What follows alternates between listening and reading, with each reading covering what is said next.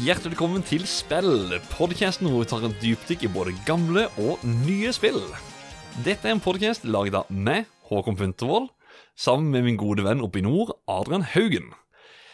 I denne episoden skal vi snakke om Super Smash Bros. Melee, spillet som kom til GameCube. Og det har dessverre ikke Adrian noen minner til. Han er verken ikke noen fan av det heller, så da ble det bare med, da, ut av oss to. Men frykt ikke, jeg er ikke alene. Fordi at uh, det er én av to brødre fra spillpodcasten Bross. Han har tidligere vært medlem av det norske fighting game-communityet. Og gjennom podkasten sin så har han vist klare tegn på at han er en Super Smash Bros.-fan. Så for meg så var det litt sånn selvskreven at han tar plass i denne episoden. Og spesielt når han er navnbror med min spillpartner. Velkommen til oss, Adrian Ramberg. Tusen, tusen takk. Så trivelig å bli invitert. Trivelig å ha deg her. Ja. Det har liksom vært litt på tide. Eh, Adrian har jo vært hos dere før. Ja, stemmer det. Vi har jo streama litt sammen. eh, eller én gang, i hvert fall. Ja, det var vel Nintendo Directen Hvis du virkelig vil, Håkon, så er jeg faktisk eh, Jeg er født opp i Bodø. Så jeg kan prøve å slå om uh, dialekta mi hvis du savner en Adrian med nordnorsk dialekt. Nei, vi lar det bare være med østlendingen, kan vi ikke det? Tusen.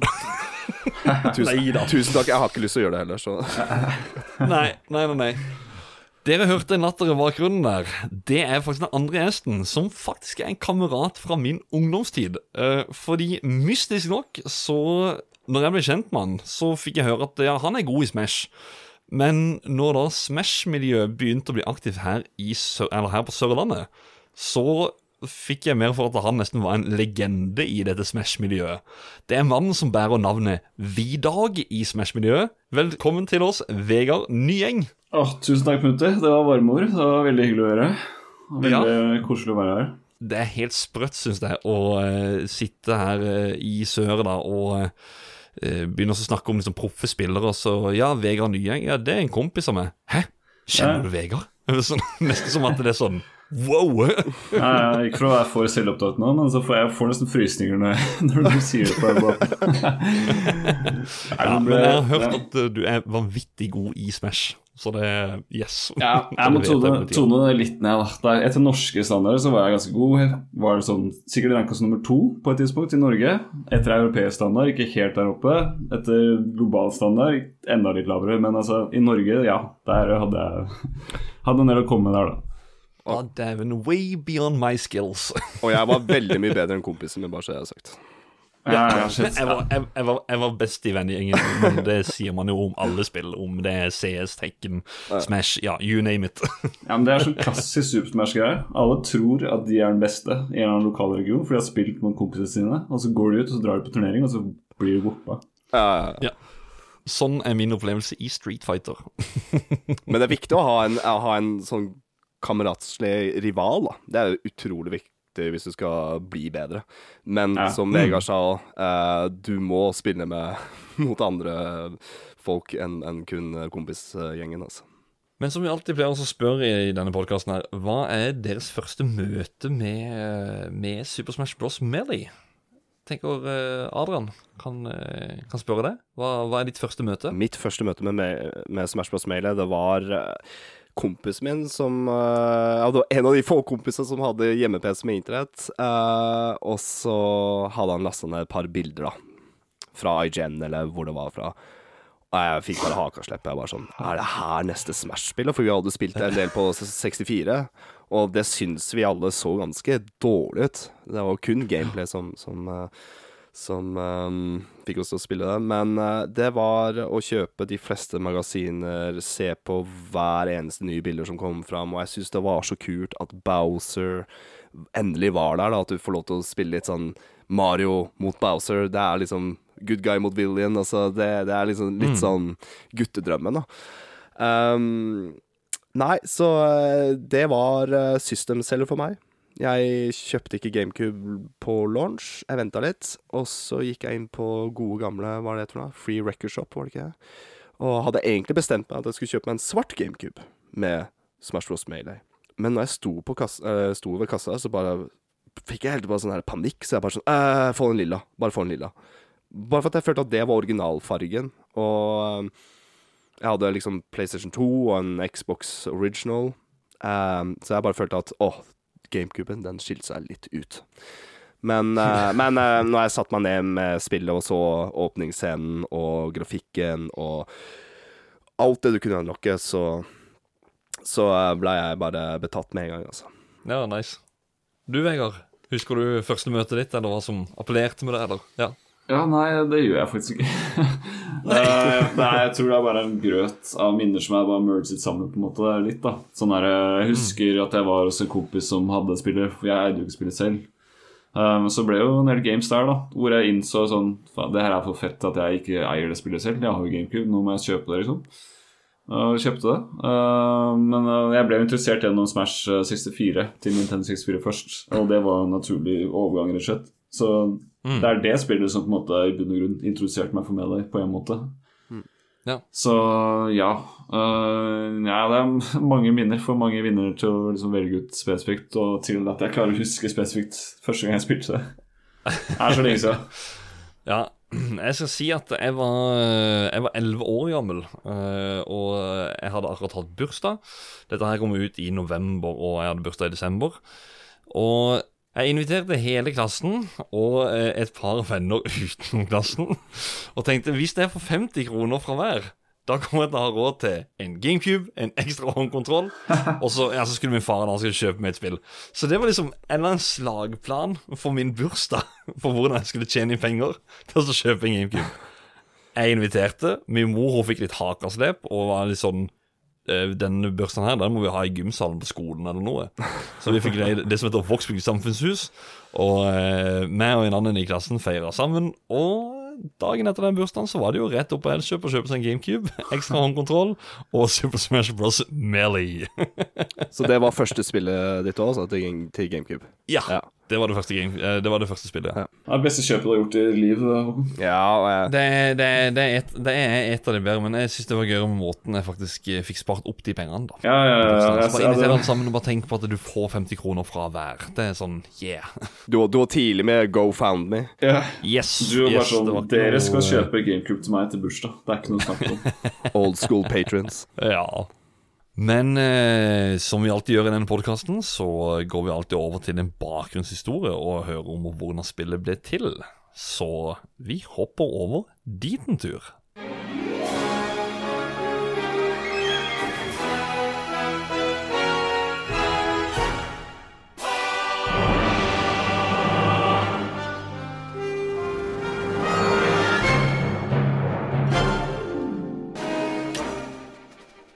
Super Smash Bros. Melee ble utviklet av Hell Laboratory, samme selskap som skapte den kjente rosa tyggisen vi alle kjenner som Kirby. Melee det er det andre spillet i Super Smash Bros.-serien, og gjorde sin debut på GameCube 21.11.2001 i Europa. Det hele startet tilbake i mai i 1999, etter at Super Smash-skaperen Masahiro Sakurai hadde merket hvor stor hit Super Smash Bros. til Nintendo 64 hadde blitt. Så han begynte allerede få måneder etter utgivelsen i Japan å se på potensialet for en oppfølger. Da brukte han Smash 64 sin offisielle nettside til å spørre hva spillerne kunne ønske seg hvis det skulle bli en oppfølger. Det ble ønska karakterer som Bowser, Peach, Vario, Bannikuzui og King Didi. Til og med James Bond fra Golden Eye 007 var et sterkt ønske. På E3 i 1999 var det to ting som satte gnisten i Sakurai for en Smash-oppfølger hvor populært Smash 64 rundt et større publikum var, og hvordan fansen av Nintendo responderte når Project Dolphin ble annonsert. Det som senere viste seg å være GameCuben. Han så dette som den gylne muligheten, og allerede to måneder etterpå hadde Sakurai og teamet hans klargjort planer og tegninger for spillet. De siktet seg inn på launch-tittel til GameCuben, noe de ikke rakk, men ble allikevel blant de 15 første titlene til konsollen. Sakurai likte konseptet lett å lære, vanskelig å mestre. Han følte at det spill som ble laget på den tiden, var mer skapt for erfarne spillere, så han satte et bredt fokus for å finne en bra balanse for nyere og erfarne spillere. For i et slåssespill er kontroll, lyd, musikk og visuelle effekter svært viktige faktorer. Det er den totale pakken av dette som er ofte er med å avgjøre hvor gøy spillet faktisk er. Sakurai følte et enormt ansvar, så han satte seg ned sammen med designere i alle avdelinger og hjalp frem til begge parter var fornøyde. For at stort sett når han hadde sett sine egne kreasjoner, som f.eks. Kirby, når han ble brukt hos andre utviklere, nei, da var han sjelden fornøyd. Dette tok han til seg i aller høyeste grad, så han studerte hver enkelt karakter og universet det kom fra, for å få den best mulige respons fra den originale skaperen. Når det kom til grafikk på karakterer, så hadde de jo allerede polygoner fra Nintendo 64, så Mario sitt design det henter de enkelt fra Mario 64. Men f.eks. Ice Climbers, der måtte de helt tilbake til Nes og bygge noe ut av 8-bit sprites. Eller Martha Roy, som var henta fra Concert Arts og 8-bit sprites fra Framicom-spillet Fire Emblem. Dette ble jo gjort på en tid hvor det var ganske begrensa maskinvare enn det vi kjenner til i dag, så Sakurai han kunne finne på å jobbe i 20 timer, hjem og sove i 4-5, og så dra på jobb igjen. Han sa faktisk selv at dette det var en destruktiv livsstil. Når det kommer til musikken, så var det så enorm variasjon fra karakterene sine originale soundtracks at den eneste måten hans for seg å klare dette på, det var ved bruk av et ekte orkester.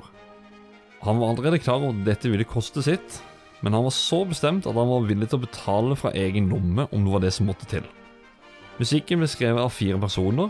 Hirokazu Ando, Shogo Sakai, Tadashi Ikigami og Takuto Kitsuta. Men selvfølgelig så kom et femte hjul på vogna, og hvem var det? Sakurai. Han ville jo alltid være involvert. Musikken ble spilt inn i en by som heter Yamanashi, samme by hvor Hal hadde hovedkontor. Og samtidig som dette så holdt et animasjonsstudio i Tokyo på å lage den velkjente introfilmen til spillet. Sakurai han satt konstant og fulgte med, og noterte alt han så for seg mellom musikken og introen. Orkesteret de er ferdig med å spille inn for dagen, folk har begynt å dra hjem, og plutselig kollapser Sakurai. Han blir fraktet til sykehus, hvor han blir fortalt at han er utslitt og overarbeidet. Men som den mannen han er, så fortalte han at alle hadde gjort en så formidabel jobb, så neste dag så var han tilbake igjen. Da hadde han nettopp hatt sin første fridag helt siden de starta på utvikling av spillet. Etter dette så gikk gjengen i produksjonen sin gode gang, og spillet fikk en enorm mottakelse på E3 i 2001. Spillet det solgte i overkant av 350 000 kopier første uka i Japan. Det nådde 1 million på to uker, og ble det første GameCube-spillet til å nå 1 million solgte kopier. Og da spør jeg som vi ofte gjør, er dette her noe som var nytt for dere? Er det noe dere har hørt før? Er det noe dere vil tilføye? Det var uh, detaljrikt, det må jeg si. Um, jeg syns det var så morsomt at du nevnte det med um, uh, Martha Roy fra Fire Emblem. At de måtte hente inn concept art og sånne ting. Um, fordi Nintendo, eller Nintendo Japan trodde ikke de karakterene skulle bli noe særlig populære i Vesten. da. Men Nintendo America de bare sånn Nei, vet du hva, det her er morsomme karakterer. Vi bryr oss nesten ikke hvor, hvor de kommer fra, for de to Fire Emblem-spillene kommer jo aldri ut til Vesten. Ikke før i hvert fall senere tid, da.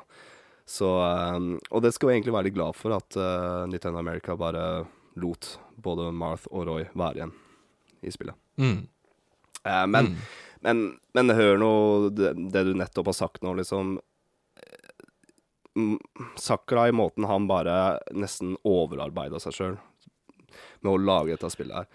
Det er ganske sykt å høre på hvor mye Hvor detaljfrik han er, og hvor mye Hvor mye han har lagt inn i prosjektet her. Eh, ja, det er, det er uh, nesten lyst til å stå opp og, og klappe litt, men det gidder jeg ikke siden vi spiller inn en podkast. Men eh, Nei, det, er bare, det er bare utrolig. Altså. Jeg syns du har fått med deg absolutt det viktigste, og vel så det. Ja. Mm. Nei, Jeg er helt enig. For min del så tror jeg egentlig bare det er en viktig påminnelse for hvilket arbeid han har lagt ned i det spillet, med tanke på sånn hvordan jeg som er med, medlem av community nå, da, har et litt sånn hat-elsk-forhold til Nintendo, de som er skaperne av spillet. Fordi For vår del, da, som spiller turneringsmessig og streamer-spiller og alt mulig sånt, eh, så har vi møtt mye motstand i Nintendo, de som har skapt spillet. De vil ikke at vi skal streame det osv. Møtt sånn type utfordringer, da. Så, men vi må ikke til syvende og sist glemme hvem som har skapt denne gaven av et spill, da. Til syvende og sist. Så det, Mm. Jeg må ikke glemme Ja. alt annet som er rundt spillet, enn kun de banene dere spiller, og Ja, ja. kun de karakterene, eller topp tier-karakterene, for det er så sinnssykt mye mer, da, rundt Ja, ja, eh, hele, hele universet her, liksom. Så um, så jeg følte Ja, jeg ble dratt ned på jorda, jeg nå. Så nå er jeg sånn Ja, nå er jeg litt tilbake i sånn respektmodus igjen. ja. Skaperne. Og det er jo litt fortjent. Nei, altså Det er jo det som er med Du merker jo nå sånn som vi bare sier Red Dead Redemption, for eksempel. Jeg husker den tweeten om at uh, de, de la ut liksom det at ja, vi, vi jobber overtid for oss å få spillet ut, og, og at det, det er liksom Crunch time. vi jobber så hardt vi bare kan. Ja. Ja. Og så er det sånn Det ble så dårlig mottatt at det var rett ut i media, og bare de knuste jo liksom den tweeten. da Den skulle liksom være sånn derre Hei, se hva vi gjør for noe, dette her er kjempebra. Så er det bare Hei, du ødelegger personene. Mm. Dette har han valgt 100 sjøl. Ja. Og bare sånn Godt poeng. Dette skal jeg klare. Dette her skal Ja, det skal, det skal bli et mesterverk. Jeg, jeg leste litt sånn under utviklinga av Smash Bros 64, så var det på en måte rett og slett en prototyp, og det, det kan du nesten se. Eh, 64 er ikke så kraftig maskin. Uh, grafikken var ikke så sinnssykt bra på 64, jeg kan ikke si det. Uh, men gameplay var bra, og det var det viktigste. Um, for jeg tror Shige- Shigeru Miyamoto, skaperen av Mario og Zelda, liksom, han, han eh, var ikke så interessert i det prosjektet her. Men Nei. Sakurai og Iwata de, de viste fram et litt mer fullstendig produkt, da. Og så blei eh, eh, Miyamoto med.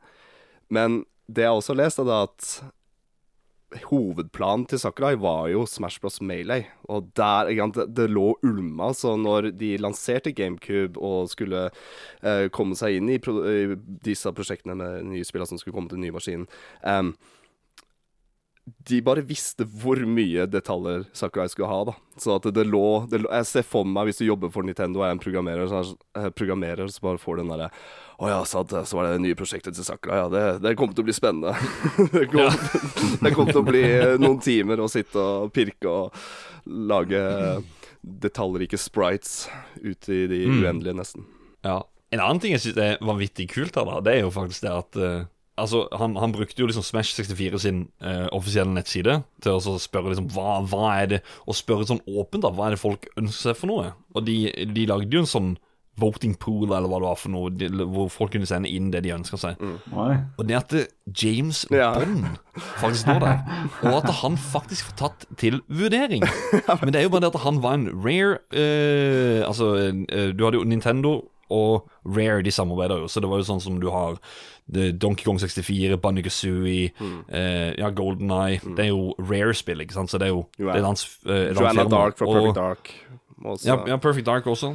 Så, ja, så var det jo Pierce Brosnan i tillegg, så, som, som måtte jo ha vært karakter. Så det er litt sånn tenk så lei Pierce Brosnan hadde blitt. Altså bare Åh, jeg er med, i dette her spillet òg nå. Men, men, hvordan, men hvordan, hvordan hadde liksom James Bond vært som en karakter i, i Smash Bros? Det lurer jeg på. Har han vært like stiv og jævlig når du croucher og bare, du bare sklir av gårde og tar sånn karateshop?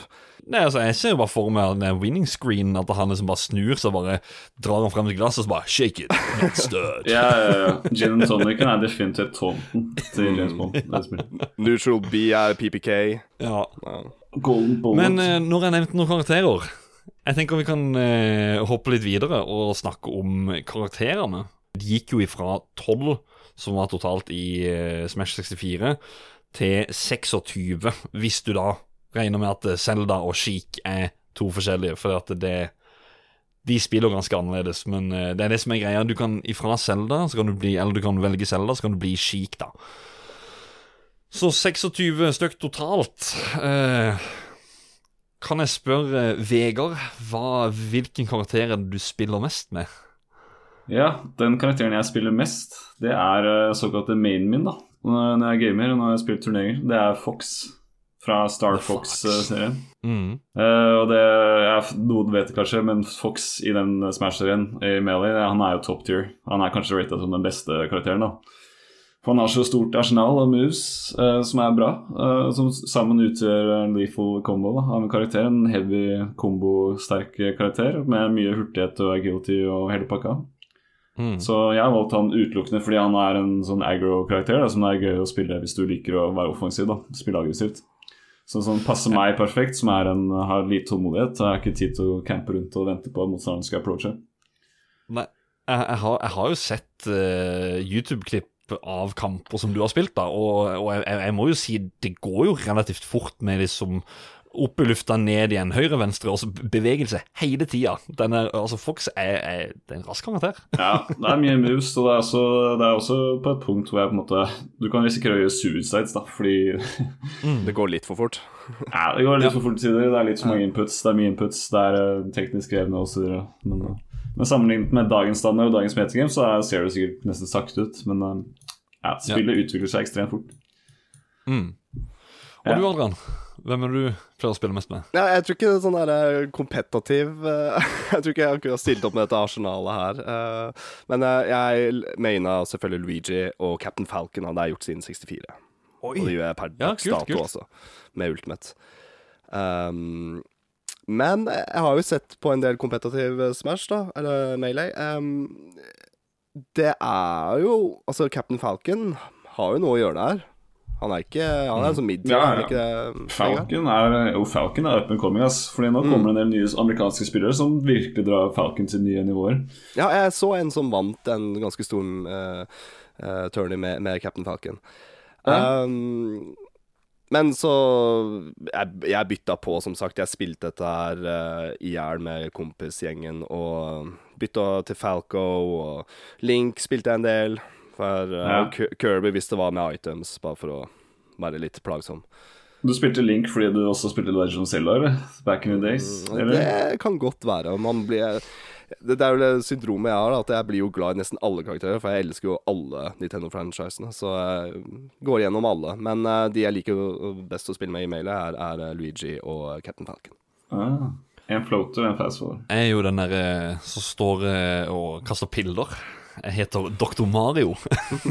jeg har alltid, alltid digga Dr. Mario. Det er et eller annet med uh, du kan jo, du, ja, du kan, du kan jo endre fargene på karakterene. Det kan, kan jo nevnes. Så ved å teppe på Y- eller X-knappen når du har valgt karakteren, så kan du få andre farger. Og da hadde du mørkegrå Dr. Mario, og det syns jeg det var konge. Og så, så, så jeg også en proff spiller spille med han, så jeg fant ut av det at ei, det er jo det er jo jaggu ikke så galt, dette. Leffen, kan jeg stemme det? uh, han er uh, definitivt en aktiv, god spiller fra Sverige, men uh, eh, Dr. Mario er ukjent for meg at han har spilt. Okay, jeg kan okay, se, jeg kan se for meg han har spilt. Helt feil, Da er det ikke Neffen allikevel. Nei, han, han, han, er, er Foxmain, det, det, er jeg ganske sikker på. ok, Nei, nei never mind. Ja, men, det, kan, men det, det, kan bli Altså, det kan godt hende du har sett et klipp av Leffen som er jævlig god, som har trolla en litt mindre god spiller. Fordi i alle, fight, ja, okay. alle fighting-spill og multiplayer-spill så er det alltid en grad av trolling involvert. Når toppspillere ja. skal møte litt mindre spillere. ikke sant? Mindre mm. gode spillere. Riktig.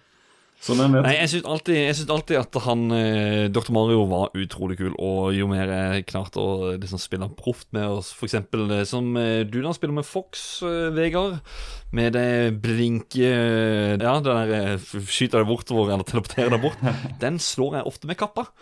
Og det ja, syns jeg okay. er så satisfying. Ja, okay. Ja, det er så irriterende yes. når du blir tatt av det. ja. Så det mm, Ja, det er Dr. Mario du går i for min del, og har gjort det helt siden starten.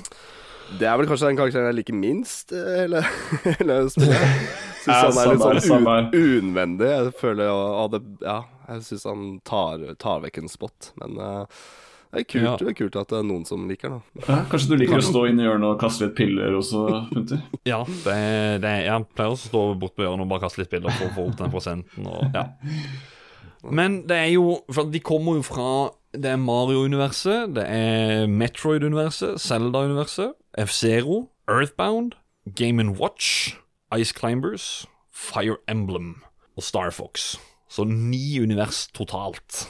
Det er ja. et, et bredt valg. Og en god miks. Ja, det er som sagt, jeg nevnte tidligere i starten av episoden med Earth Nei, ikke Earthbound, men Fire Emblem, da. Det er litt sånn der mm. Når jeg spilte Melee første gang, så er det sånn Hvem er de her, liksom? Jeg har ikke hørt ja. om franchisen engang. Og allerede da så Så når jeg spilte Smash som jeg gjorde, og blei mer interessert i å unlocke trophies og alt det der, så, så blei jeg genuint også bare interessert i å bare lære mer av andre uh, franchiser som jeg ikke har hørt om. da. Så Sakurai, det klarte han. Han klarte liksom å, å vise frem uh, andre Nintendo-franchiser. På en, mm. på en mm. utrolig kreativ og kul måte. Ja. jeg har jo barndomsminner av å spille Ice Climbers på NES. Så når jeg da kommer oppover til min barndomskamerat Morten, som eh, faren var sjef på Space World, så han har liksom fått denne her på release og alt sammen, så det var sånn her Holy shit, bare løp opp til Morten og spill med en gang. Ser han hopper rundt om Ice Climbers, jeg bare kødder? Fins de her? What? Sykt. Jeg husker, jeg husker også Ice Climbers. Eh, jeg tror det var broderen som hadde det på 8-bit, eller lånte det, eller sånne ting. Så jeg, jeg husker også Ice Climbers, men jeg, jeg husker ikke at jeg, lik- jeg likte ikke spillet. Det likte jeg aldri. Men jeg syns karakterene så kule ut her, og jeg liker jo hvordan de har gjort med Ice Climber-stagen inn på spillet her òg. Som den går gradvis oppover, og det er på en måte en ny versjon av hvordan gammel Ice Climber Ness-bane kunne vært. da. Um, Jeg også husker jeg også disse her enorme ryktene, for dette her var jo også en tid hvor det var sånn her litt Kall det Kall det sånn eh, det, det var ryktene på skolegården som var de sanne. Det var liksom, Eller så kanskje du leste noe i et spillmagasin hvis du hadde det, da. Eh, for jeg husker de enorme ryktene om at Toad var der ute. Og jeg så et fake bilde en gang. Og da sto det at du måtte slå så og så mange meter i homerun contest for å så få, få den karakteren, da. Wow. Å, herregud, som vi prøvde. Ja. Sånn gang på gang på gang. Vet du, Vi hadde jo sett det bildet. Toad var jo der det sto. Toad var karakter. Han var oppe i en rute. Det var sånn derre Toad fins. Ja, ja. Oh, Han klarte det, ikke å legge det fra oss. det spillet det er så lenge siden det spillet kom ut at vi var jo unge og naive på, naive på den tiden, så vi trodde jo alt mulig var mulig å unnlokke av karakterer og sånn. Fordi Ja, ja, ja. i det spillet her så starter man jo med et visst antall karakterer eller noe. Jeg husker ikke hvor mange, men så kan du unlocke flere karakterer etter hvert. Um, og så da, Jeg trodde også, jeg led også med et naivt håp da, om at Mew var en unlockable character. Fordi du kan kaste Det er sånn item hvor du kan kaste en pokeball, og da er Mew en av pokene der. da Så Derfor levde jeg i håp om å få Mew som en spillbar karakter. Men Mew var vel også i planlegginga, skal jeg mene, som en karakter de tenkte å ta inn. Og så er det, fi, det er faktisk fire andre karakterer som at hvis de faktisk hadde hatt litt lengre tid på å utvikle spillet, så hadde vi faktisk fått med Snake, Sonic, Lucas og Vario. mm. Ja, såpass, ja. Mm. Ja, de kom kommer med en brawl. Var, De kom i Brawl, ja. Vario var ganske nærme å komme inn her. Uh, Ja. i Ja, det var han og Peach. De fighta om eh, spotten. Nei, på sier du at Vario kunne tatt plassen til Peach? Åh, nå ble jeg sånn skuffa. Peach er, ja. Jeg tenker du på Armada, han svenske spilleren som er sett som en av verdens beste. Han mener vel Ja, ja, ja. Peach? Nei, fra det, fra, når, du, når du tar fram det perspektivet, så hadde det vært trist hvis, jeg, hvis jeg skal ta fram legacyen fordi jeg ikke liker det karakteren. Nei, men Peach er vanskelig å spille mot. Det, det var. Ja. Men eh, nei, nei, nei. Armada for en, for en legende. Skal vi ta en liten snakk om For at spillet er jo et sourcespill. Og jeg tenker når du sier til en person at eh, ja, det er et sourcespill, ja, da tenker de én mot én. Det er en life bar oppe og en klokke i midten. Sånn som i Street Fighter, Tekken, BlazBlue, Guilty Gear, you name it. Ja. Men dette her er jo mer en plattformfighter. Litt sånn for de som ikke eh, nødvendigvis kjenner til dette spillet så godt. Kan du nesten kalle det en plattformfighter. Jeg liker å si plattformfighter, ja. ja, det er sikkert det riktige begrepet, det, ja. Ja. Uten å kjenne til For en ja. hopper jo litt rundt her og der, og kan oppover på plattformer, og eh, Ja, man står på en arena, men, men man har litt mer eh, bevegelsesrom enn i hvert fall enn i Street Fighter. Ja, ja, ja. men det er, det er akkurat sånn det er, da. Fordi halvpart, halve det spillet her er jo bare å kunne bevege seg sånn som du ønsker, da. Altså, Mye av kompleksiteten i spillet er Eller potensiell kompleksitet, da, avhengig av måte, hva du ønsker. Men det er jo Bevege deg fra toppen av plattformen og ned på en mest mulig effektiv måte. Bruk det movet med minst mulig lag, osv. Alt det er, Det er ting som. Ja. Ja, og det er interessant at du sier det, for at det er jo, som jeg nevnte i historien, da, så er det at Sakurai han var opptatt av lett å lære, vanskelig å mestre. ja. Og det er jo sånn, fordi har jeg forstått det rett nå Jeg har jo ikke spilt med alle karakterene, jeg har jo spilt masse Smash, jeg har jo det. Men alle sammen har vel egentlig samme moveset, altså kontroller, input, er helt lik. Men de utføres på andre måter, altså ned av B-knappen, eller altså bare sånn, de, de har enkle måter. Dette er måten du gjør angrep på, men de har alle sammen forskjellige måter. Og så er det jo måten du bruker det på da i spillet. Mm. ja, det stemmer. Det, det som var nytt med mailet, det var at uh, de fikk jo Dette er jo første spillet der de fikk Smash Attacks. Og det var ikke med i Smash 64. Og bare for å forklare forskjellene det er sånn, Smash 64 så hadde du liksom Sånn som Smash er, du har eh, Hvor mange er det for noe? Uh, fire forskjellige uh, attack. animasjoner, hvis du kan kalle, for det. Liksom, du har neutral, og du har opp, ned, og så til sida. Det som var nytt i mailet, er at hvis du trykker liksom fram eller ned eller opp samtidig med A, så fikk du smash attack. Den, den kan du charge opp, da. Du kan liksom få den til å vare lenger eller bli sterkere, da. Men så har du også tilt attacks, da. Der du bare tar joysticken litt mer forsiktig, og så trykker du på A. Og det er en helt annen type move. Så sånn sett så har det fordobla seg da, siden 64, Mm. med vanlige attacks. Ja. Men jeg, jeg, må, jeg, må, eller, jeg må gå tilbake på det du sa i stad, Punter, for det vi jeg følte ikke jeg fulgte deg på den. Men det er det, fordi han, han treffer jo spikeren på hodet. Når liksom, fordi det spillet her er, det er utrolig fett fra første gang du plukker opp en kontroll. Altså Du Mm. koser deg med det fra altså jeg, jeg husker ikke første gang jeg spilte, men jeg tror jeg husker følelsen av wow, det her er fett. Og da var jeg, Men det, jeg hadde jo bakgrunn fra Super Smash 64, ikke sant? så jeg visste hva det dreide seg om. Det var bare en ny Mm. versjon, bedre coating, bedre gameplay, alt var finere å se på, lyden var bedre, alt liksom. Kontrollen var bedre. Kontrollen var faen meg nydelig. Den Mm. sitter jo så godt i hånda sammenlignet med den gamle 64-kontrollen, som var liksom litt sånn klumpete og clunky, og stikka var rar, stikka ble ødelagt sånn. Nå får vi en helt fresh ny kontroller, og den var bare sånn Husker første gang jeg prøvde den på Ram og Rom-butikken. Husker du den? Sjappa? Altså Jeg er ikke fra Østlandet, men jeg har eh, ram og rom. Herremann, det er vittig du sier det, for at Adrian han hadde jo Altså Adrian som er med i spill, da, fast, han hadde jo det i, oppe i Oslo. Nei, Ja. nei i, i Tromsø. Så han har jo snakka veldig mye om den. Ja, ja, nei, Jeg dro innom Strømmen Storsenter bare for å teste spill og sånn, for de hadde jo alt sånn stands da, hvor det var nye spill som bare var satt ut sånn. da. Og da husker jeg ikke om Melly var der, da. Men de få stedene som hadde Melly satt ut, da var det sånn du håpet på at det skulle være en random fyr der som bare kom og ville spille med deg. Bare sånn at du kunne rope Ja. på er kult. Men så var det, men så var det, ja, det var, Jeg spilte jo det sammen med kompis, først og fremst. Og jeg eide ikke spillet i flere år, jeg, fordi jeg bare spilte sammen med han. Før jeg, tok, før jeg tok til fornuft og kjøpte det. Men det, det jeg egentlig skulle si, var at ja, det er veldig gøy å spille fra start. Du trenger ikke være god i det, men det er sinnssykt dybde som du bare Jeg har spilt det siden jeg var eh, 15-14. Nå er jeg 32, og det er fortsatt Ja. ting som jeg blir bedre i det spillet, hvis jeg plukker det opp nå. Ja, ikke sant? Det er akkurat sånn som med meg, og Street Fighter, som jeg nevner så sinnssykt mange ganger i denne podkasten her.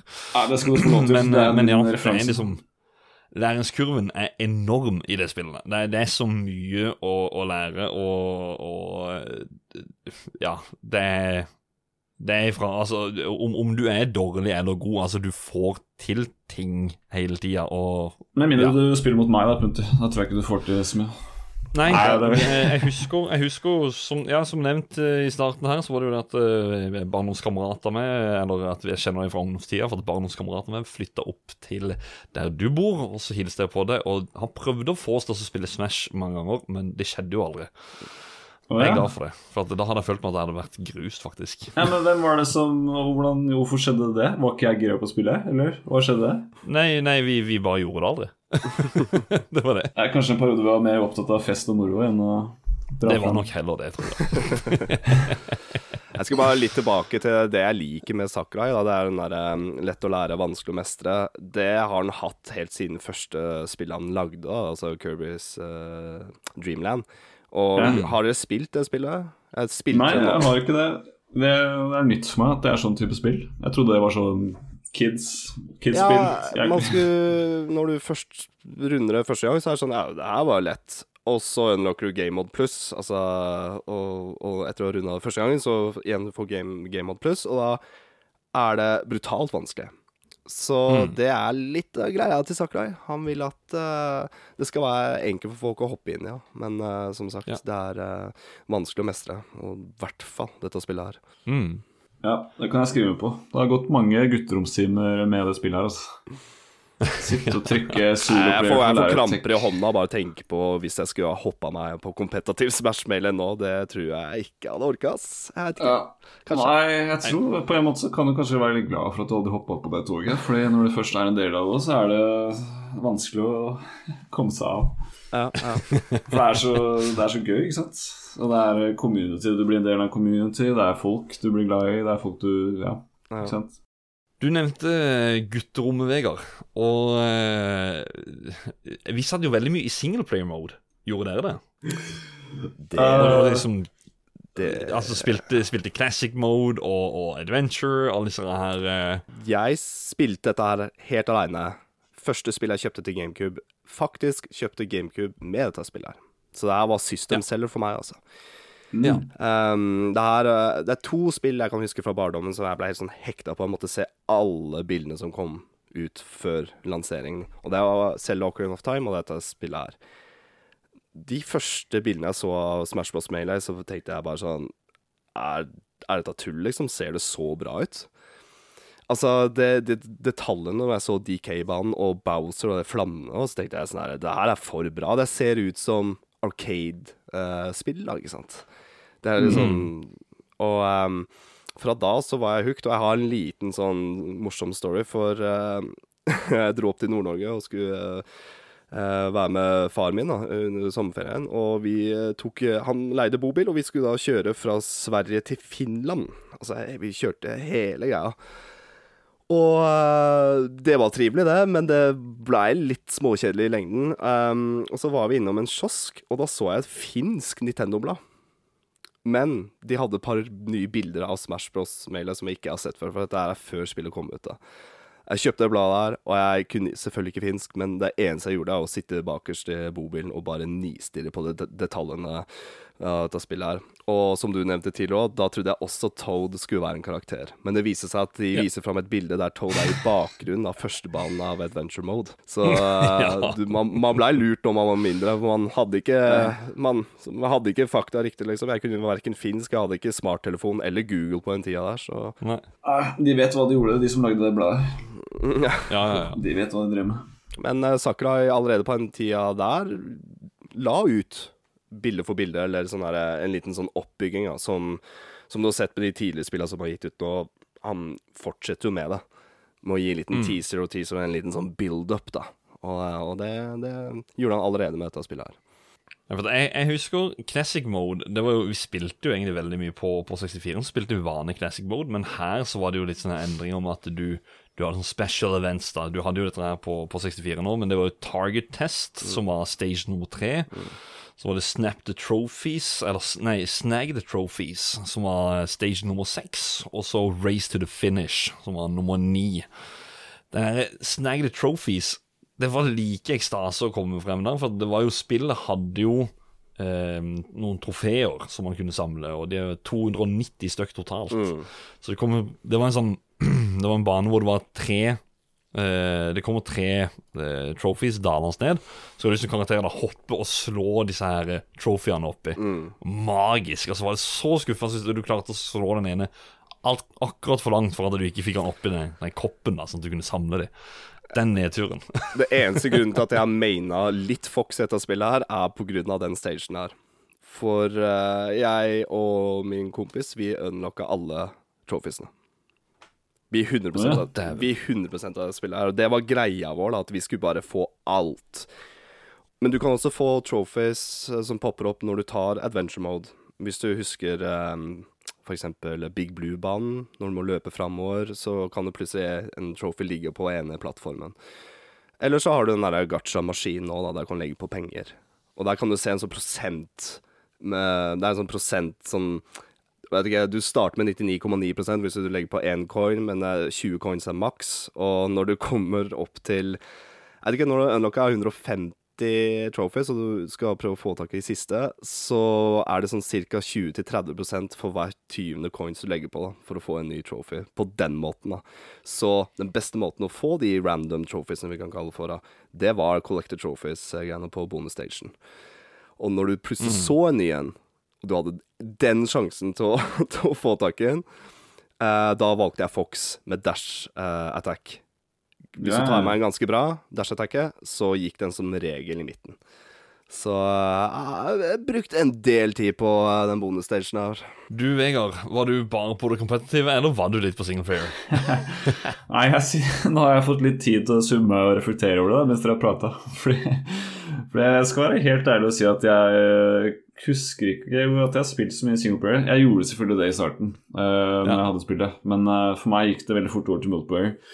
Så singleplayer for meg, det, det var litt gøy i starten, selvfølgelig, for det spillet er bra og alt det der. Eh, men jeg brukte det stort sett til å unlocke karakterene som var nødvendig. Så vet jeg at eh, det var en del ivrige folk som spilte sånn break the targets og home run contest. da Sånn er home run contest som å slå en, bygge opp prosent og skade på en sandsekk, og så ser du hvor mange meter du klarer å slå den. Det var det en egen scene folk som drev og konkurrerte mot hverandre i. Um, men det var ikke Det ble for uh, Det ble for uh, ensformig for min del. Så jeg var Multiplayer var definitivt min uh, greie der. Mm. Jeg, kan, eh, jeg kan si at det blir monotont til slutt, da, for å få tak i alt jeg spiller her.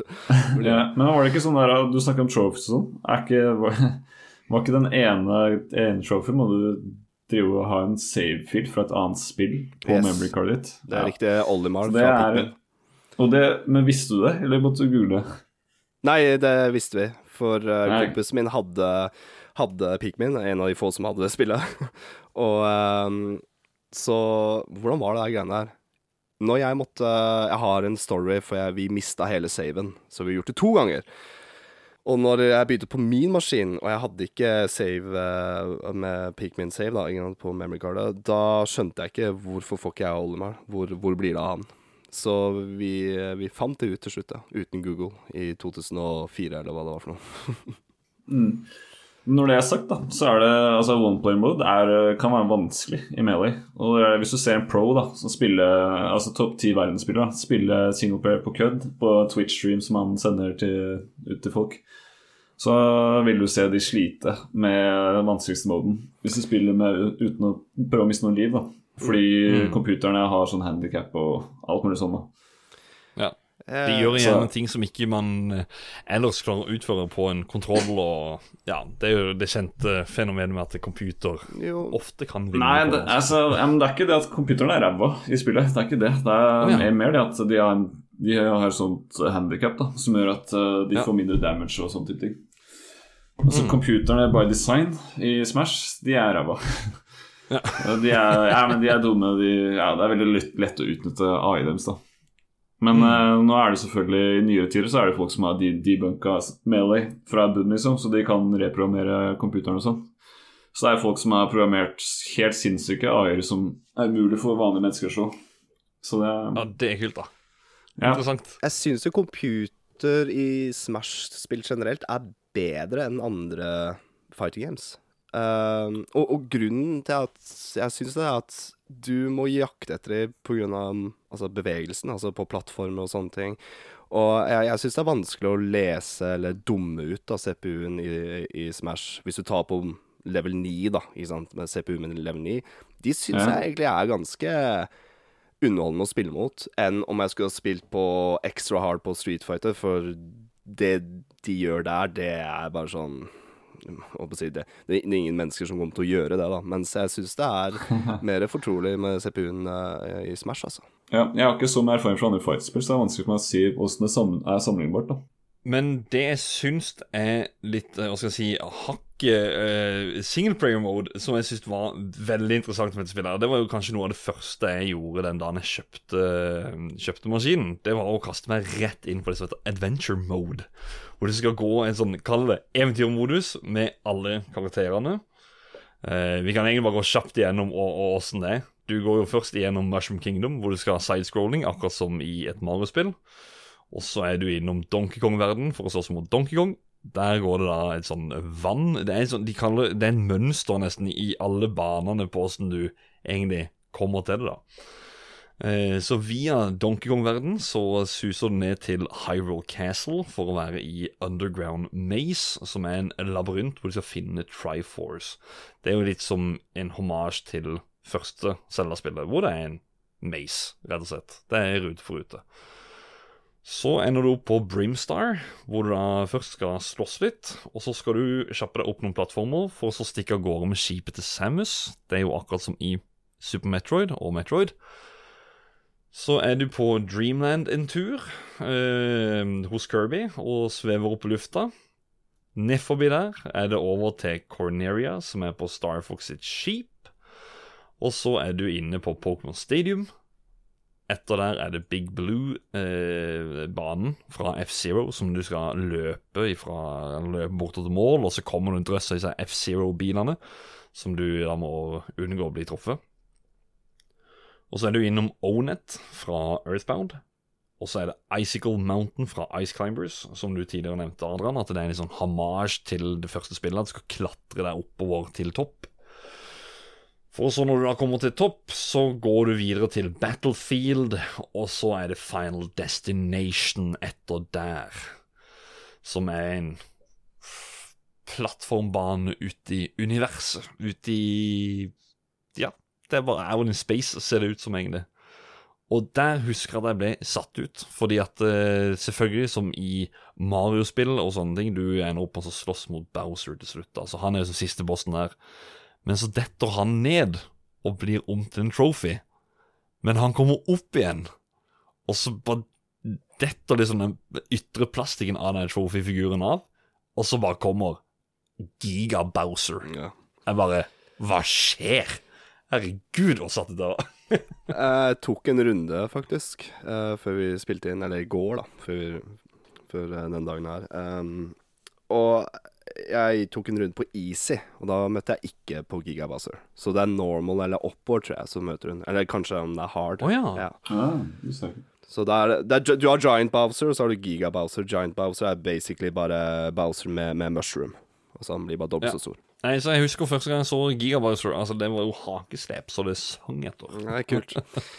Um, jeg bare nevner en liten ting. Jeg syns bare Segwayen fra Brinstar til Green, Greens er veldig morsom. da du, Er det noen som husker den? Det Ja, det, den, den, den videoen Ja. det, er det, det er jo akkurat som i Samus-spillerne. Yes. Så er det jo det at han flyr ut, og så krasjer han på liksom Dreamland, eller på den stjerne... Nei, du, du ser ingen som krasjer, men du ser bare sånn her OK, planeten sprenger, og så går kameravinkelen til venstre, og så ser du bare plutselig bare green greens, eller du ser Kirby-planeten, og that's it. Jeg syns bare Da blander jeg faktisk med et Kirby-spill til Super Nintendo, for der krasjer han på den. Men ja, ja, ja. Ja, nei, men det er bare sånn der eh, Ja.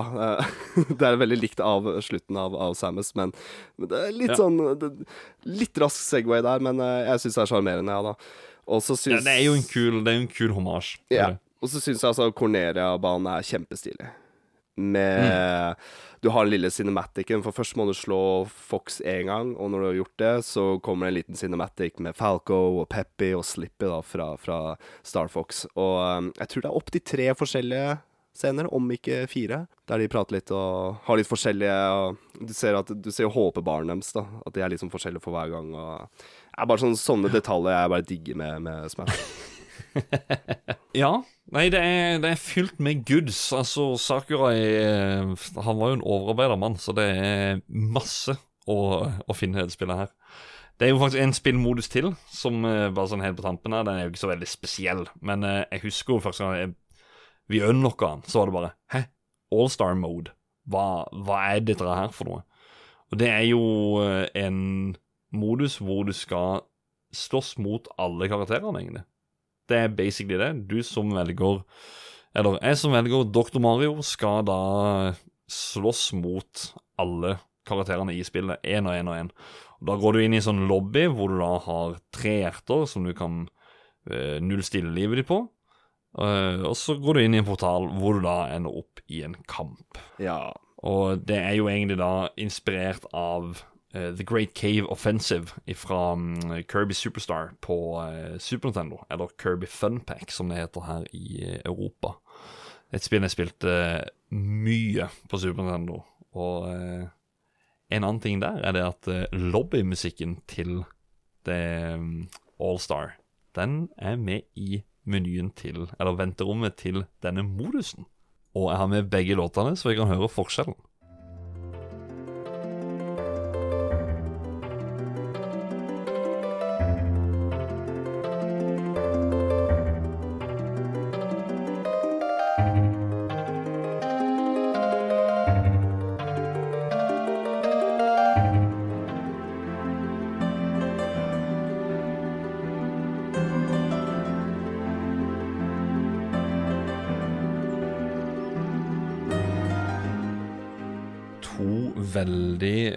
Forskjellige versjoner. Deilige låter, begge to. Den siste der, altså, den gir jo en sånn enorm avslappende Ja, Altså, her, eh, her får jeg nostalgi, for å si det sånn. Um, Og det er jo eneste måten å unlocke på, at du må unlocke alle karakterene før Allstar kommer frem. Så det er liksom grunnen til at det heter Allstar Mode, for at da, har du, da kan du faktisk slåss mot alle. da. Så når, du, Det stemmer. mm, så når du starter spillet, så har du kun Classic og Adventure. Eh, Men den, når jeg hører den, eh, med den melodien der, så uh, tenker jeg tilbake sånn der kr krampe i hånda, svett i hånda, lei, sur. Jeg, lar den, jeg må ha en pause, så jeg lar den spille i bakgrunnen mens jeg går på do og henter meg vann. For jeg er bare sånn OK, jeg har tre igjen. Klarer jeg dette her? Uh, På med svettebånd, på med de svette armbåndene og mm. tar- jeg tar på meg drakta til Ryu fra Street Fighter, faktisk. Um, Ja, ja, riktig, riktig. På med en gi. Ja. Det er en nydelig sang, ass, den nummer to her. Den var henta fra Melly, ikke sant? Det var Melly-versjonen. Ja, den siste. nummer to Ja. var fra Melly. Og så Ja. andre, den var ifra, um, ifra dette her eh, Kirby Superstar. ja, og det, vis Det det visste jeg faktisk ikke. Uh, Det er jo Sakurai sin egen låt, eller eh, musikken, eller ifra sitt eget spill.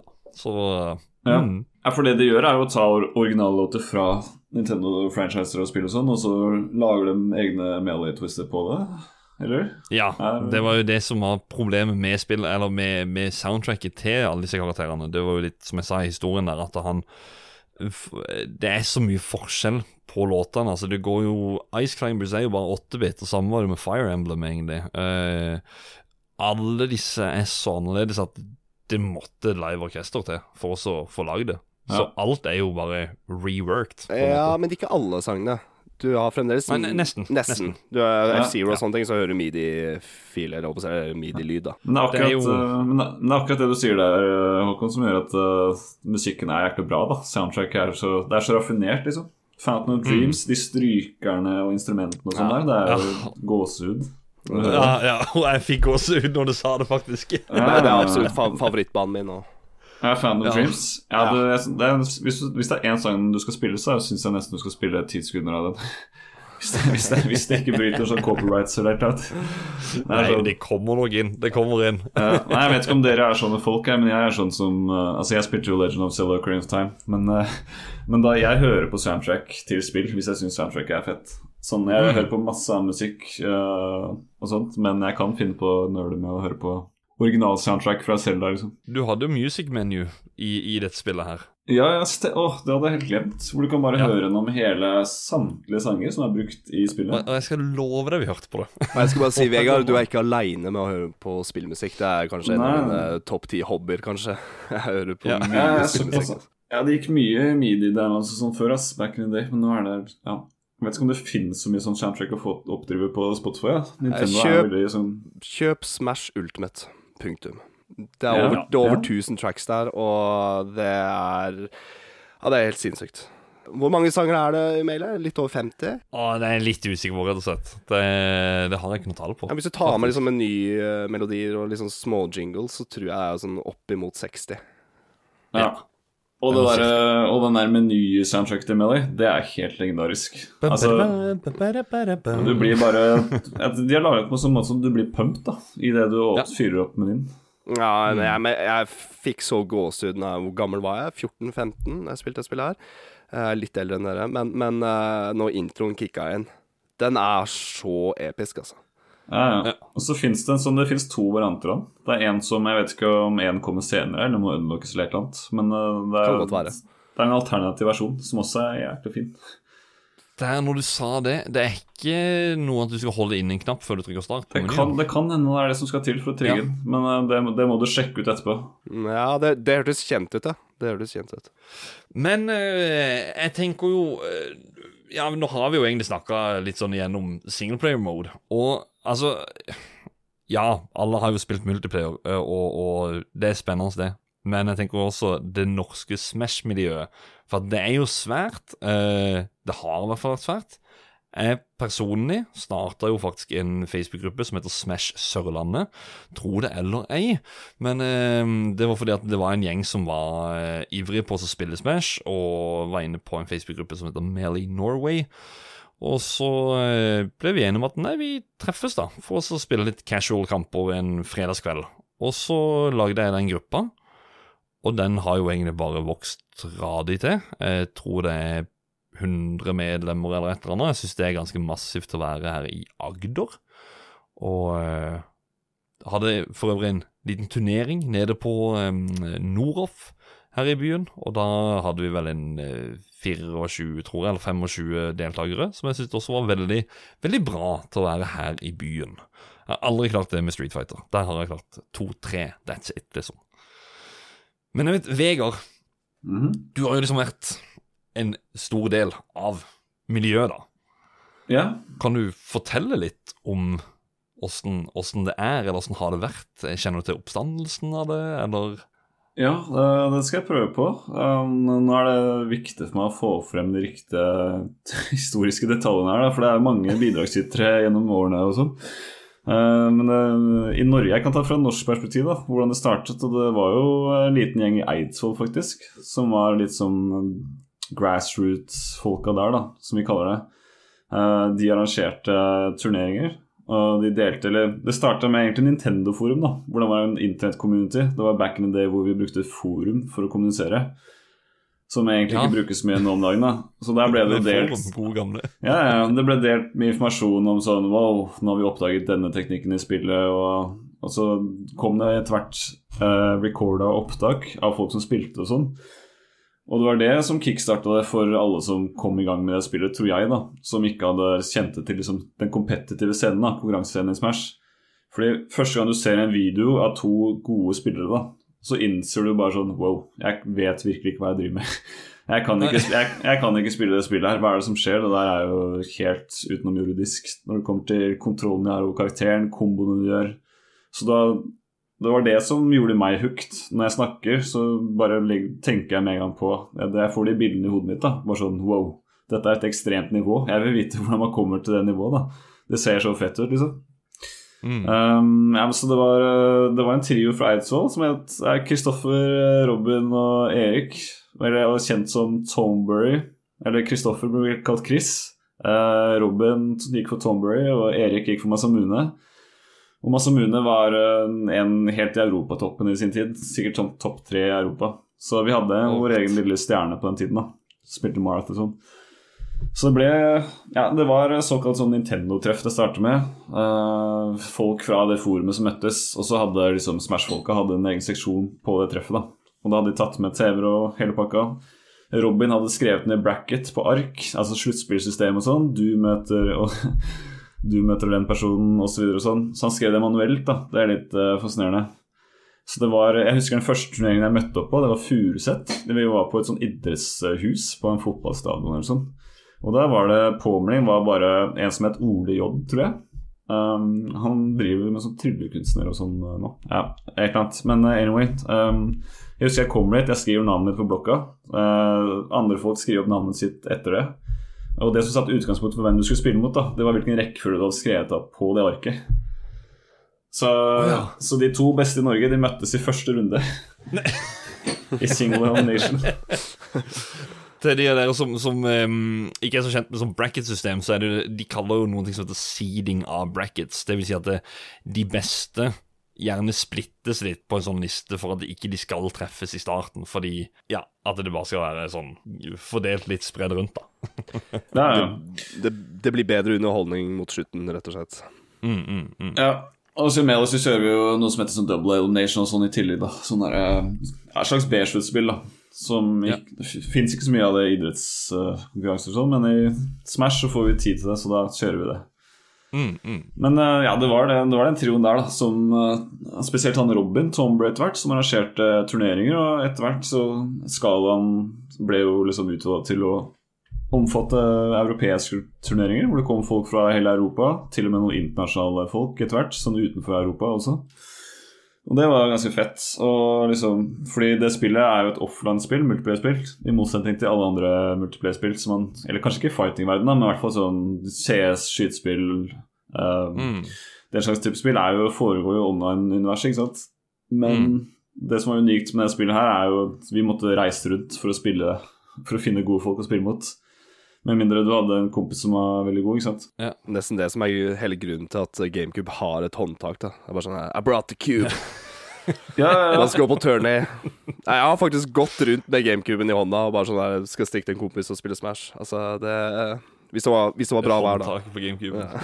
Gull. Ja, det kan godt hende det var baktanke med håndtak. Det er sikkert derfor. det er sånn.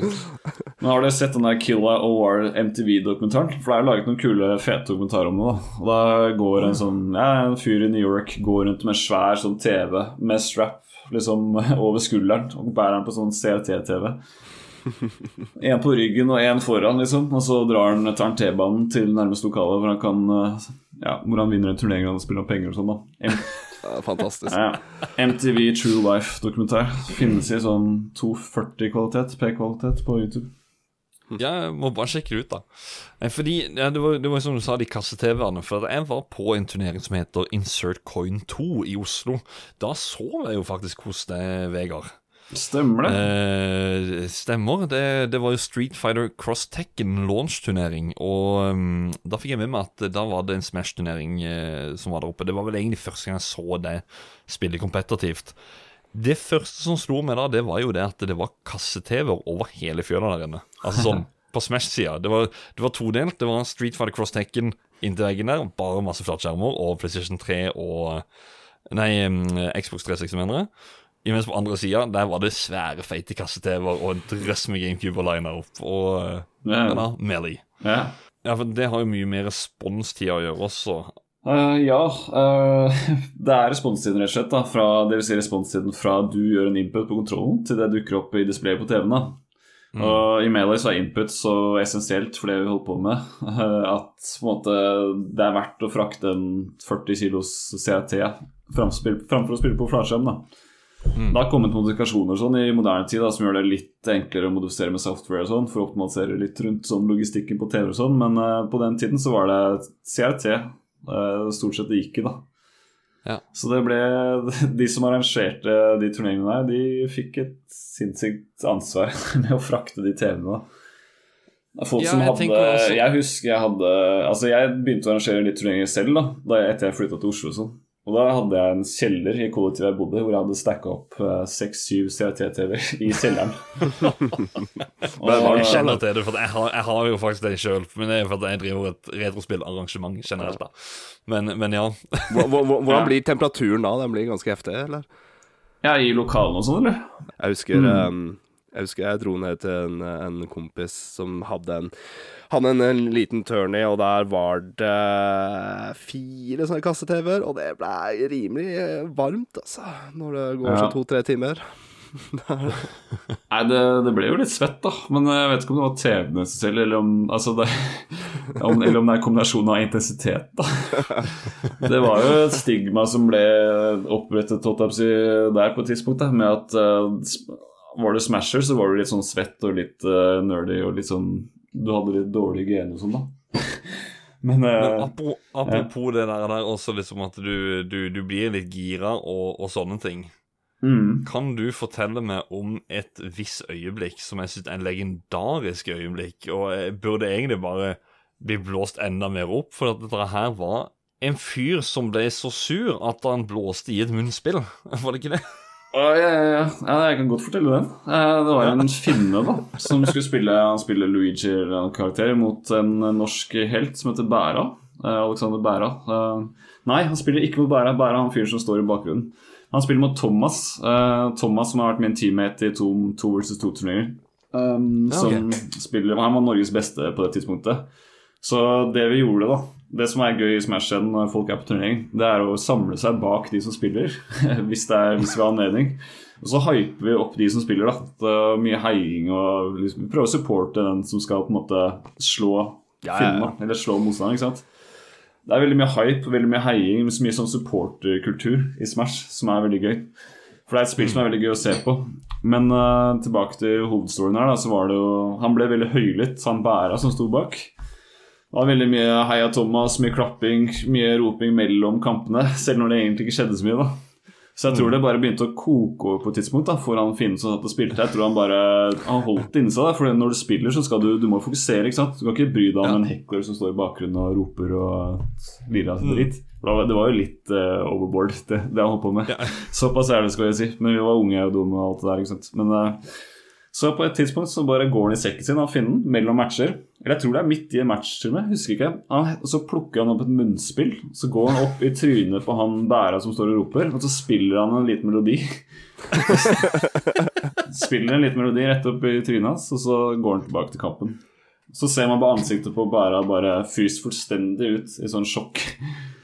Fordi det det jeg syns er så fantastisk gøy, for at jeg syns jeg, og har fått på følelsen at uh, Smash-miljøet er liksom et veldig vennlig miljø, Ja. kontra Street Fighter, som jeg kjenner godt til, hvor det er en fyr som heter Sanford Kelly, okay. som bare klikker totalt for en kamp og knuser en stikke i bakken som han har lånt av de som, er, eh, som arrangerer turneringer, og går liksom i full raseri. Og Det er liksom stikket som koster 1500 kroner. Jeg føler, jeg føler ikke den raserien er i Smash. Jeg, jeg føler det er liksom Altså, jo, han er der nok, men, men det, er ikke, det, er ikke, det er ikke så mye hate, på en måte. Jeg Tror det er sånn- x antall GameCube-kontroller som har flydd over uh, lokalet, altså. Jeg har sett Ja, ja. flere Altså, hvis, du, hvis du går på YouTube da, så søker du på Rage Quits i, og Melly på YouTube, så får du en compilation-video med hundrevis av folk som klikker i vinkler over eh, tap og alt mulig sånn. da. Så det, det, Sjekk det ut, folkens. ja, det fins en god dose med ja, folk som blir såkalt sånn salty, da, som vi kaller det Ja. eh, på fagspråket.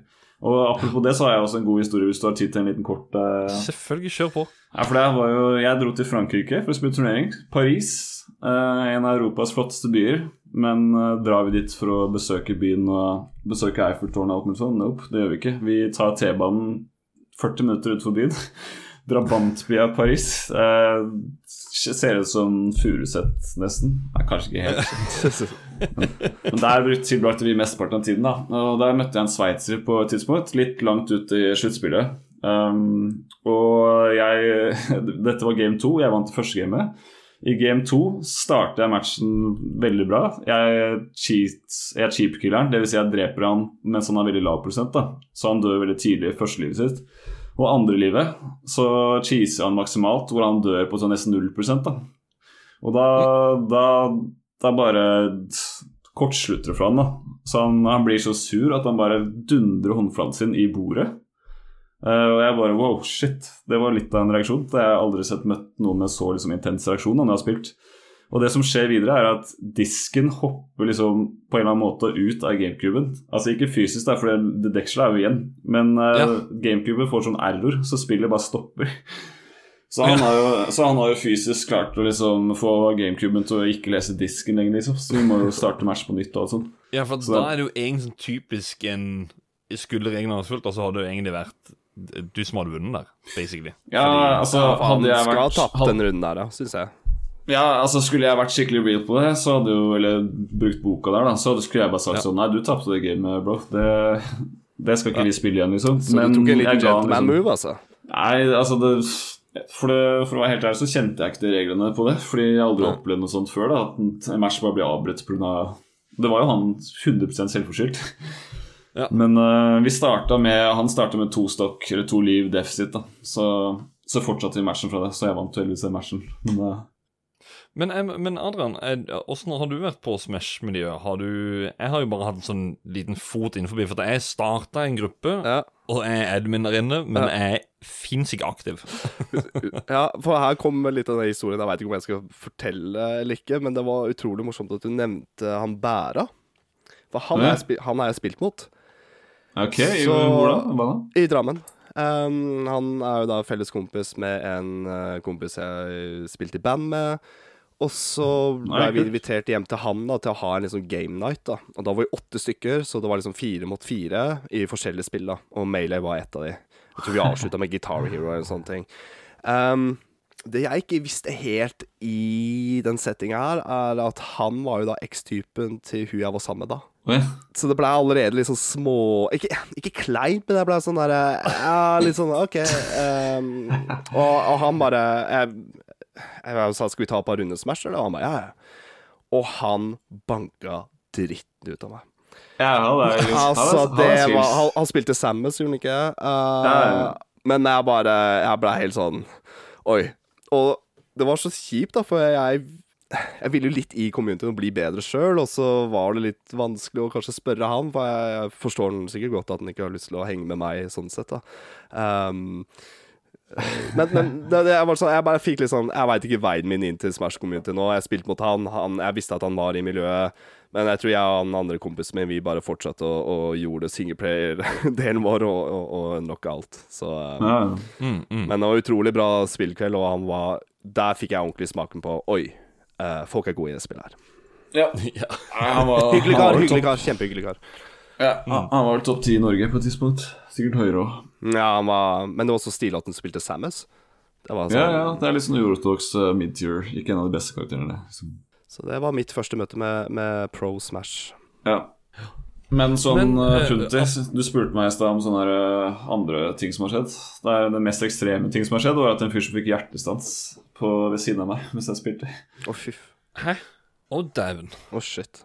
Vi, sn men vi, snakker, vi snakker medfødt hjertefeil, da. Um, men, ja, okay, det, okay. men det var uh, Ja, det, det er ikke så interessant likevel. Jeg kødder. Nei, men det var, ekstra, det var spesielt å oppleve å spille ved siden av, liksom. Så ser Ja, du bare en Ja, Ja, Den ser jeg for meg. Gikk, gikk det bra med personen, da? ja det, det gikk bra med han. Så, Så bra. Ja. Men uh, ja, det ble drevet med gjenoppliving og alt mulig på stedet. Ja, dæven. Men, men eh, sånn, eh, nå, nå er vi inne på, på miljø og sånne ting. For jeg husker jo at eh, når Nintendo Wien kom ut, så kom jo Smash Brawl. Og så husker jeg at jeg var, jeg var supergira på dette her. Og så har jo Wii U-en kommet ut med dette her som de kaller for Smash 4. Det heter Super Smash Bros. for Wii U. Men Melly sto fortsatt hele tida.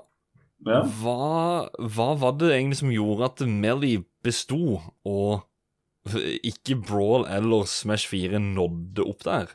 Ja. Smash Ultimate, som er nå på Nintendo Switch, det er jo kanskje over, tror jeg. Ja, i, pop i popularitet Jeg vil ikke si hvor bra det er.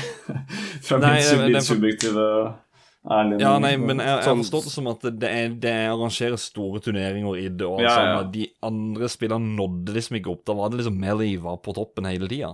Ja, Hva er det som gjorde at de andre ikke kom opp der? Ja, nei, det var et lite vippepunkt. Uh, når Smash 4 kom ut, så var det Det var ikke større enn mailet, men det, det communityen der ble veldig mye større enn en kort periode.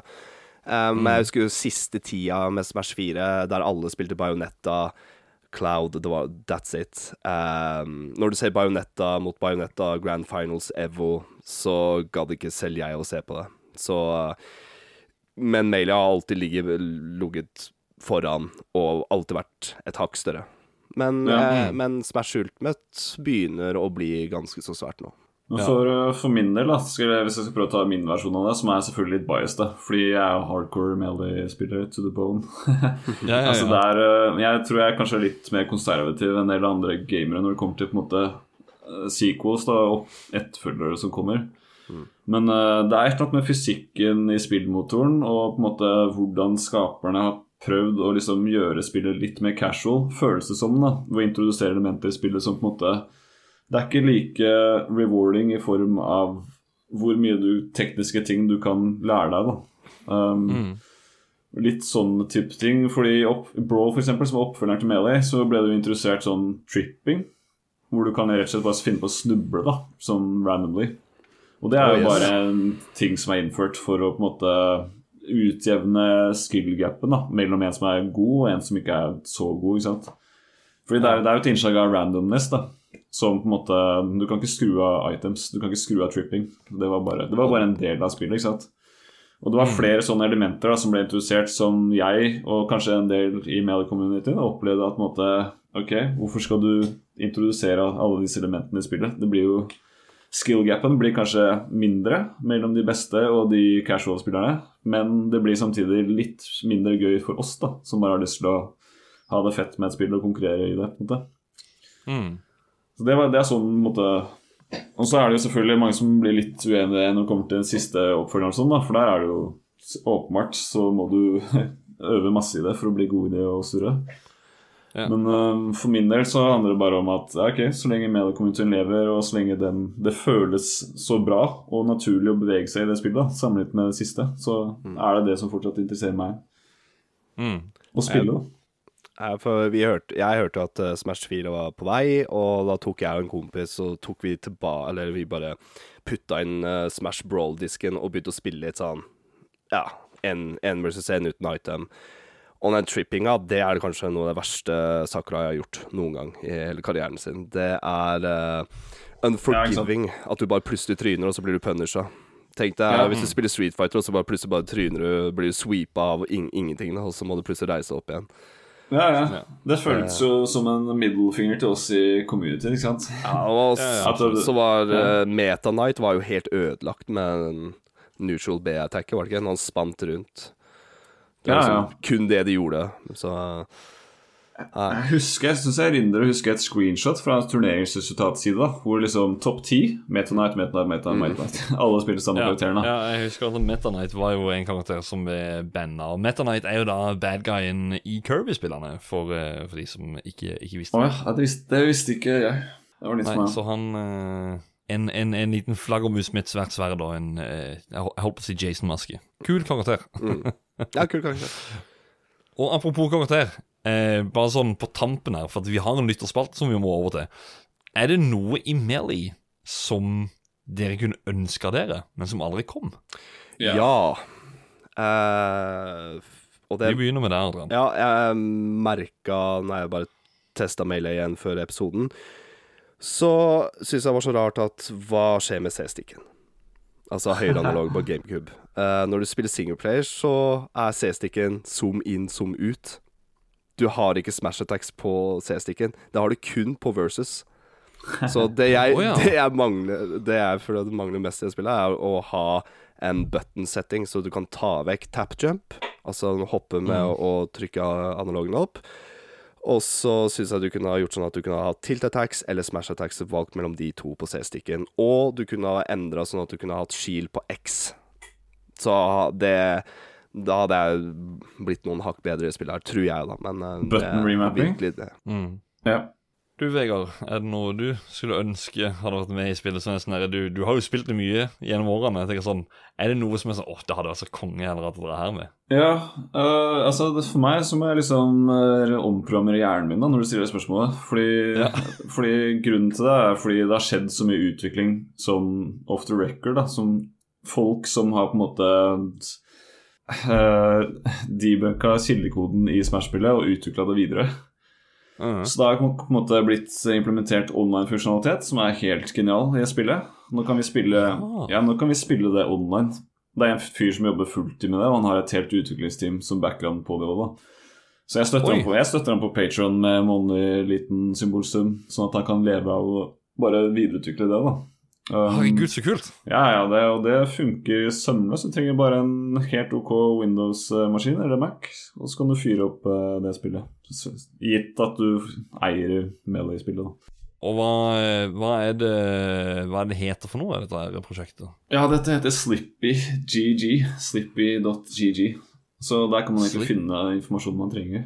Via Hvordan- den siden. Slippy GG. Hvordan er uh, latency? Er den ganske ålreit, eller?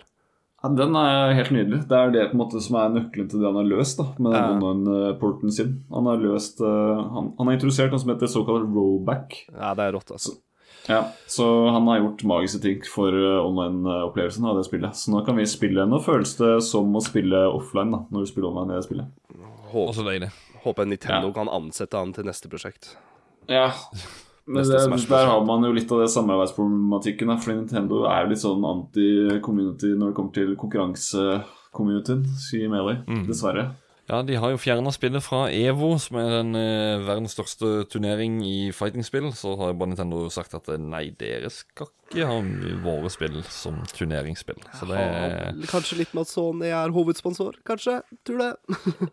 Ja, men eh, som jeg sier, ofte Nintendo elsker Nintendo, men de biter deg i ræva gang på gang på gang på gang på gang. Ja. Men som jeg sa, vi har noen lytterbidrag som er blitt sendt inn her. Jeg spurte inne på eh, Discord-communityet og inne på Facebook-gruppa. Vi spiller en ny episode i kveld, at vi skal snakke om eh, et av de høyst rangerte spillene til GameCube, Super Smash Bros. Melee, og spurte da om noen minner, eller om det er noen karakterer folk likte å spille best med. Og Ja. Da er det Ørjan Synnevåg Drotningsvik, en av våre administratorer eller moderatorer inne på Discord-serveren. Han skriver For et spill! Spilte dette senest med min sønn for et par uker siden. Gamecuben leverer fortsatt timer med underholdning. Har ingen favoritter, men liker godt å spille med Kirby og Fox. Har både dette og første Smash til Nintendo 64. Det er Kirby kjenner jeg meg godt igjen i. Det var jo egentlig den karakteren jeg begynte med helt i min Smash-karriere. Eller karriere, i, i hermetegn. Paul Ivar Hatlebo Svendsen han skriver helt klart det beste Helt klart det spillet jeg spilte mest på GameCuben. Hvis jeg husker riktig, så fikk jeg faktisk en melding om at jeg klokket inn 1000 timer. Noen andre som har oppnådd den milepælen? Yes. Oi! Det er faktisk mulig? Mm, Ja, det jeg, jeg, For å være helt ærlig, jeg har fått det på alle Smash-gamesa. Så Så, Så- Det jeg sa i starten introduksjonsmessig om at du er en stor fan av Super Smash Jeg hadde helt rett, altså. ja. Ja, for du kan se om i ikke spillet, ikke sant? Jeg tror ikke 1000 timer brawl, men jeg har fått sånn 5000 matcher eller sånne ting. Det var helt vanvittig. Eh, De, jeg tror eh, Jeg og kompisen min spilte jo Smash 4 på, på Wii U ufattelig mye, og plutselig sto det bare sånn her eh, Gratulerer, du har spilt noen 7000 matcher, og vi bare sånn OK, skal vi gjøre noe annet? Så Men jeg har klokka over 1000 timer med Smash Ultimate. Har jeg. Ja, viktig. Det er bra. Eh, Så spurte vi inne på Discord-kanalen vår også, og der er det vår eh, kjære hovedverneombud der inne, som vi liker å kalle han. Fotpromp, også kjent som Ivar. Han skriver han har ikke direkte Super Smash Bros. Melee, men GameCube er det i hvert fall. Altså masse minner til. Og hvorfor er den grusomme GameCube-kontrolleren så populær? Det er jo et svare virvar av OCD-fiendtlige former, farger og plasseringer. Oi, oi. Hva er dette for noe? Jeg ser Vegard, du løfter hendene. Det er jo ikke mulig å melde det. Nei, Nei, vet du jeg holdt, synes- jeg holdt opp fingeren. Jeg bare altså, sånn nå har- Nei, må du Det her er en ergonomisk nytelse å ha i hendene. I hvert fall, altså Det er det jeg vokste opp med. da Men jeg tror det handler Ja. om liksom spranget som ble gjort fra den forrige kontrollen til den her. For meg var det Ja. veldig bra. Men Nå i er- senere tid har det ikke si- kommet så mye bedre ting, sikkert. Men det er Jo, men jeg vil si at den sitter så godt, den kontrolleren der. Det er faktisk en av mine Ja, favorittkontrollere gjennom tidene. Og det er nok en grunn for at Nintendo lagde en eh, De lagde jo GameCuben, og så hadde de Wii-en med bakkompabilitet, med de de portene oppe på toppen. Da er det jo egentlig bare Det er for at du kunne kjøre GameCube-spill på den. Og så kommer de med Wii U, og der kommer de også med en adapter som du kan koble til med USB, som gjør at du kan bruke GameCube-kontroll. Eh, talt fra fansen, da, når Smash eh, 4 skulle komme ut, da. Men det sier sitt, da. At når Nintendo lager ekstra eh, utstyr for å få kontrollerporten til å fungere, da er, det er det noe spesielt med den kontrollen. Fans vil spille Smash med GameCube-kontroller, punktum. Og de, det er jo så absurd å tenke på at denne kontrolleren har blitt produsert helt fram til nesten 2020. da. Det er litt vanskelig å få tak i nå, i 2022, men, eh, men eh, ja, det, det, Jeg elsker den kontrolleren så mye, og jeg bare digger at de fortsetter å, å, å, produsere. produsere. Mm. Originale kontrollere, vanskelig å få tak i. De nyproduserte, ja, OK. Det, men ja. Og så skriver han det at eh, han har jo også da klart å eh, vinne noen kamper med Link. Det skal jo sies. Martyrik, en av Ja, det her er enda en moderator, gitt. Det er gode minner fra dette. Brukte å spille turnering på ungdomsklubben. Kom aldri på førsteplass og innkasserte en gratis cola. Uh, spilte alltid som Marth, som gjorde at jeg fant Fire Emblem-serien på Gameboy Advance og DS, og ble hekta på den serien. Der ser du. Det er Sakurai eh, vet å inkludere karakterer som gjør at en finner andre spillunivers. Neste, eller sistemann ut, det er Terje.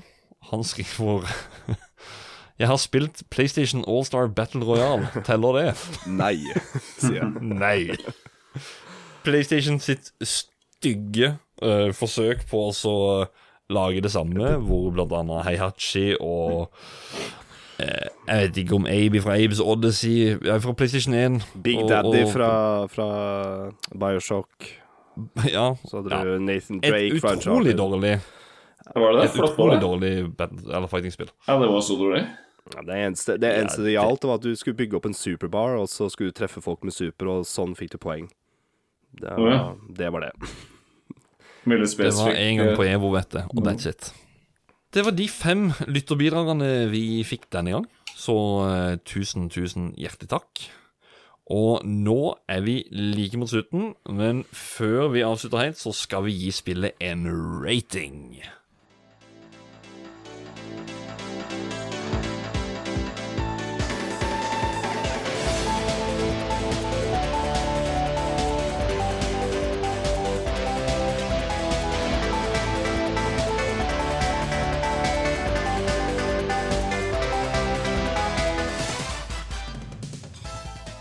Da skal vi som alltid rate spillet fra en score 1 til 10. Vi følger gode gamle Nintendo-magasinet sine kriterier, som er grafikk, lyd, spillkontroll, underholdning og holdbarhet. Altså hvordan spillet har holdt seg. Vi setter poengene 1 til 10. Jeg tenker vi kan begynne hos Adrian. Jaha. Hva gir du på grafikk? Hva syns du om grafikken i spillet? Eh, nydelig. Jeg setter det ganske så høyt Når jeg guffa på GameCuben min, og jeg kjøpte en sånn HDMI-adapter. Uh, fyrte den opp på Samsung-TV-en. Jeg veit at det er fy-fy for kompetativ Smash. For det, det, jeg, tror det, jeg tror det legger til 1 til 2 uh, MS i lag, så det kan jeg ikke bruke kompetativ. Det veit jeg. Men innpå menyen på Super Smash Bros. Melee så kan du skru på sånn smooth uh, filter, eller så kan du skru på at det ser litt mer skarpere ut. Og når jeg tok på smooth på den HDMI-adapteren jeg spilte i går Spillet ser Det er tidløst, mener jeg faktisk. Det ser enda kjempebra ut. Word, word, word. Så jeg, jeg, jeg setter det ni av ti, så Det er jeg enig i. Vegard, hva gir du?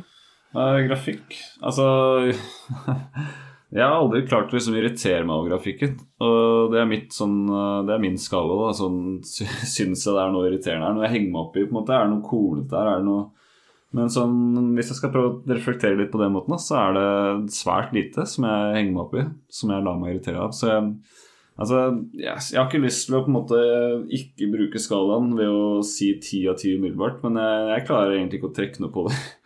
Fordi, og da setter jeg perspektivet mitt her, da, er at det er et GameCube-spill. Um, Ja. som har sine begrensninger. Og ut fra de begrensningene så, og hvor bra det fortsatt gjør i dag, så vil jeg si ti av ti, rett og slett. Jo, men det er, det er fullt lov, det. Eh, jeg må beklage og si at eh, jeg går dessverre én ned ifra tieren. Jeg går også på en, ni. Så skal ikke jeg ta begrunne så veldig mye. men eh, det er godt begrunna. Det er det. Vi kan begynne hos deg nå igjen, Adrian, på lyd. Én til ti. Nei, som jeg snakka i denne episoden her Hvor mye jobb gjorde ikke Sakurai med å få, få den musikken i spillet her? Han holdt på nesten å betale fra sin egen lønn, altså fra egen lommebok, da, ikke sant, for å få orkester. Eh, så lyd med all med alle Har du spilt det spillet her eh, fireplayer med, og du kaster 100 items, og det er sånn Jeg føler virkelig at ingen av de lydene er sånn her Det skraper ikke øra dine. Det er ikke noe som dekker over noe annet. Så jeg syns, uh, syns eh, lyden i spillet her er fantastisk også. Um, åtte- ni av ti. Jeg scorer høyt her også, altså. Jeg ligger på åtte, ni av ti. Åtte av ti. Åtte av ti. Og Vegard, du ligger på en Jeg ligger på en ti av ti, ja. Ligger på en ti av ti. jeg liker det. Jeg kan begrunne det hvis du vil, men uh, ja. Ja, ja, ja. ja, ja. ja. Nei, altså Det er jo to aspekter her. Det er jo bakgrunnsmusikken, rett og slett. Altså sangen som spilles når du spiller på banen. Den er, den er fin. Det er, det én bane som har drittmusikk, og det er Dreamland 64, for den får du på hjernen. For nå, når du har vært på en turnering, og det er en fyr som spiller klokka to på natta, og den musikken er den som spiller i bakgrunnen, så får du ikke sove, liksom. Da, da gynger den. Da går, den på, da går den på repeat i hodet ditt på, på hjernen til du liksom Ja. Skriket til Link er ikke så veldig mye bedre heller, sånn sett. Du blir gal av den òg. Ja, altså ja, ja, ikke sant. Men jeg, jeg syns overall synes jeg lydeffekten er uh, Så jeg har ikke så mye å sammenligne med da av andre spill. Men- Så nei. kanskje det er mangelen på sammenligningsgrunnlag som gjør at jeg syns alt er ganske bra. da Men uh, jeg vil Med tanke på hvor fint soundtracket til Phantom Dreams er, Yours Story Final Destination, og hvordan jeg fortsatt kan spille de 15 år etterpå, eller lenger, og fortsatt synes det er fine sanger. Jeg Syns ble, jeg sier litt om kvalitet på det. jeg ble solgt. min- Jeg ble Min humble opinion på det. Jeg, jeg slenger over på 9 og 10, jeg òg. Jeg ble solgt nå det siste han sa. Ja. Ja, du setter på 9 av 10, for det gjør jeg også. Eh, litt av grunnen for at jeg faktisk går ned, det er, det er to ting. Det er at jeg eh, jeg, Kanskje noen hater at jeg sier det, men jeg syns han der announcer-fyren er rett og slett eh, litt eh, kjedelig for sin tid når dette her kom ut. Jeg har hørt bedre spillelyder. Og en annen ting er det at eh, faktisk eh, under musikkens innspilling, da holdt Sakerøy på å stryke med, og da skal jeg si fy. Men eh, Han valgte det sjøl, men, men eh, det er nesten med å få mannen til å stryke med. Så det, da, da, da gir jeg det rett og slett én liten score ned. Men Ja. ellers, det er kanskje noe av det beste rearranging av musikk ever made, altså. Det er det. Ja. Det, be, det begynte her, for å si det sånn. Ja, det var det. Men helt Så enig må vi med over ja. Eller jeg trenger kanskje, kanskje ikke kommentere det. Men jeg er helt enig med deg. Hvis du kunne valgt musikk for banene selv òg, det hadde vært genialt. For det er så mange sanger som jeg aldri hører på, ikke sant? fordi det er baner som du ikke spiller. Ja. Så det, men jeg, jeg trekker ikke ned på det, for det, for meg er det funksjonalitet som på en måte er litt utenfor Ja, jeg vet ikke. Det er ti av ti for meg. Ja. Klipp det. Og så er det spillkontroll. Og Adrian, vi begynner hos deg igjen. Åssen er spillkontrollen?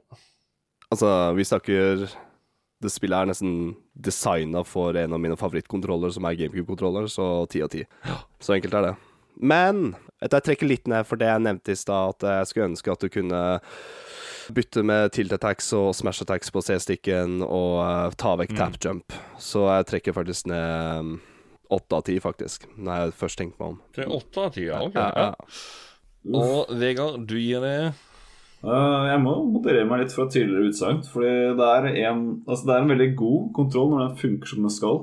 Men den har analoge inputs på stikka som gjør det litt uh, mindre optimalt å bruke den med tanke på hvordan inputsa blir lest da, i softwaren. Uh, så den funker ikke alt som den skal, dessverre. Selv om design og sånn er rent ergonomisk og følelsesmessig er supert, så har den noen svakheter. Og den har også et sånt slitasjeaspekt der, da. Og som bruker den mye, herper jo de kontrollene, ikke sant. Uh, Mm. og det er kjedelig når det er en kontroll som funker som den skal, og så går det på en måned, og så må du skaffe deg en ny en, og så er det vanskelig å få tak i på markedet. Så det trekker litt ned, faktisk. Det her er vanskelig for meg å rate, altså. Uh, på en måte ni av ti, men på en annen, fra en annen side så seks av ti, faktisk. Oi! Det er på seks av ti. Ja, men det er eh, det, som, det som surrer og går opp i hodet mitt nå, er frustrasjonen over å være på turnering og bli holdt tilbake av kontrollen som er defekt, eller Ja. Det er sånt som skjer. Nei, eh, jeg kaster meg faktisk på en eh, Jeg kaster meg på en ni av ti. For jeg har liksom aldri hatt noe problemer med den kontrolleren. Jeg føler at det sitter så godt i hånda kontrolleren sjøl, og jeg føler at jeg får gjort det jeg skal gjøre når jeg skal gjøre angrepene, men jeg er jo ikke oppe på det nivået som eh, I hvert fall som det er Vegard, som er, er veldig der oppe. Så er det Ja, det er ni av ti, Du, rett og slett. du mangler 900 timer med gameplay. Ja. Å legge på 20 000 Men- her, kanskje.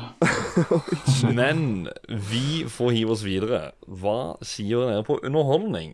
Adrian? Ja, som sagt, litt sånn under episoden her Jeg, jeg har jo spilt dette spillet som singleplayer og knockout og sånne ting, og vi lagde jo våre egne rare, sære ting med spillet her, og det kan jeg nevne. Sånn ting er uh, Vi skulle gjette på trophies. For som dere veit, så kan du zoome skikkelig langt inn på trophies. Ja, ja, det har vi også gjort på turné. Vi har gjort akkurat samme greia. Ja, ikke sant? Det er altså så forbanna morsomt. Du zoomer rett inn på uh, toppen av huet på Jeff fra Earthbound, da. Og jeg husker jeg snudde meg, så jeg bare sånn Jeff med en gang, for du bare så at det var gulfargen. da. Eller på tuppen av tåa til, til Zelda.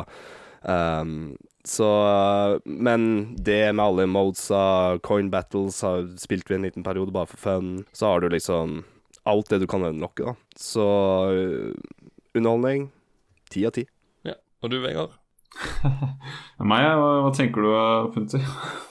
Nei, altså, jeg kan, jeg kan si at jeg, jeg har allerede skrevet ned.